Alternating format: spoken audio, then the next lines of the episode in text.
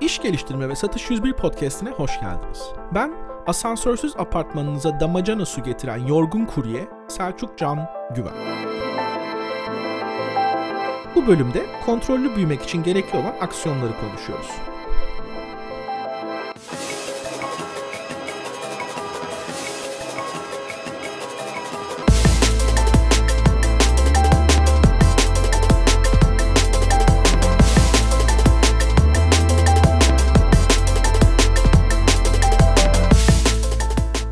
Kontrolsüz büyüme sizi batırabilir. Net bir ifadeyle girdik, hemen detaylandıralım. Bütün şirketler büyümek istiyor, daha fazla para kazanmak istiyor. Şirketlerin varoluş amacı bu zaten. Ama bu süreçlerin kendi içinde bazı zorlukları var. En bariz, yönetilmesi en zor kısmı ise hızlı büyüme senaryoları. Büyüme demek daha fazla para kazanmak demek ve biz genelde para bütün problemleri halleder mentalitesinde olduğumuz için şirketin temellerini sarsacak bazı problemleri görmezden gelebiliyoruz ya da bu yangınları üzerine para atarak söndürebileceğimizi sanıyoruz.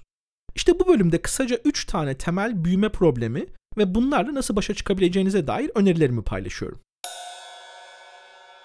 Büyüme problemi 1. Giderleriniz artar. E hadi ya diyebilirsiniz. Gider odağında düşünmeyin. Nakit akış odağında düşünün. Büyüyorsunuz, yeni insanlar işe aldınız, ekip büyüdü, belki yeni bir ofise geçeceksiniz. Doğrudan ve dolaylı olarak giderleriniz artacak. Soru çok basit. Gelirleriniz aynı oranda artıyor mu? Nakit akışını yönetmek akan paranın hacmi arttıkça zorlaşır. Peki bu büyüme problemiyle nasıl başa çıkabilirim? Giderlerinizi ve gelirlerinizi yakın takipte kalın. Ön muhasebecinizle, muhasebecinizle, finansçınızla daha yakın çalışın. Haftalık belli bir süreyi mutlaka buraya ayırın. Gelir ve gider dengenize süper hakim olun. Büyüme problemi 2 müşteri memnuniyeti azalır.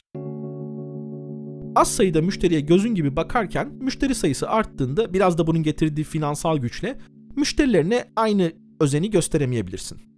Bu tabi istatistiksel de bir olay yani daha geniş bir kitleye hitap edince tabii ki sıkıntı yaşanması daha yüksek ihtimal.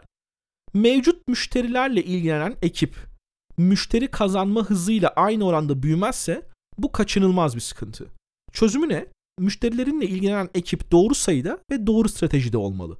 Hesap yönetimi mi dersin, account management mi, customer success mi? Orayı iyi kurgulamak lazım işte. Dikkatinizi çekerim bu kafa sayısını artırarak çözülebilir bir problemdir demiyorum. Müşterilerin ihtiyaçlarını ve memnuniyetsizlik noktalarını keşfetmeyi gerektiren stratejiye ihtiyacınız var diyorum. Büyüme problemi 3. Takım içi diyalog imkanı azalır, iletişim sıkıntıları baş gösterir.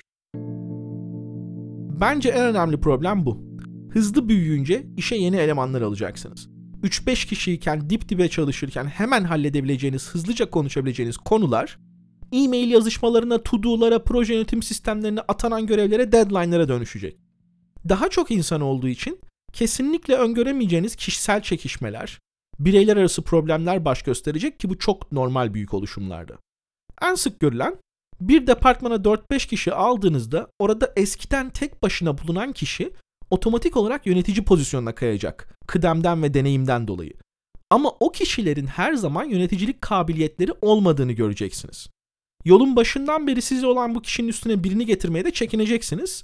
Burası böyle tıkanacak. Buna nasıl bir çözüm bulabiliriz?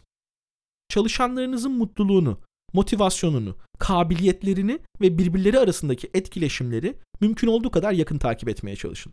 Ve sağlıklı bir şirket kültürü meydana getirme yolunda adımlar atın.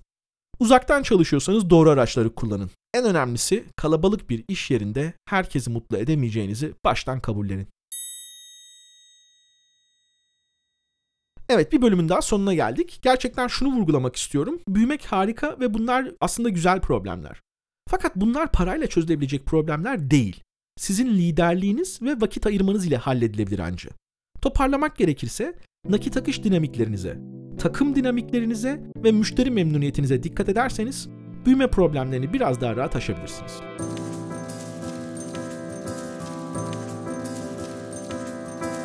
Buraya kadar dinlediğiniz için teşekkür ederim. Bu podcast de büyüme problemleri yaşıyor. Mesela dinleyici sayısı artmasına rağmen dinleyenler Apple Podcast'ten yıldız vermiyor, yorum yazmıyor. Spotify'dan takip etmiyorlar. Bu konuda bana yardımcı olmak isterseniz desteklerinizi bekliyorum. Takip edin, yorum yazın, yıldız verin. Haftaya görüşmek üzere, hoşçakalın.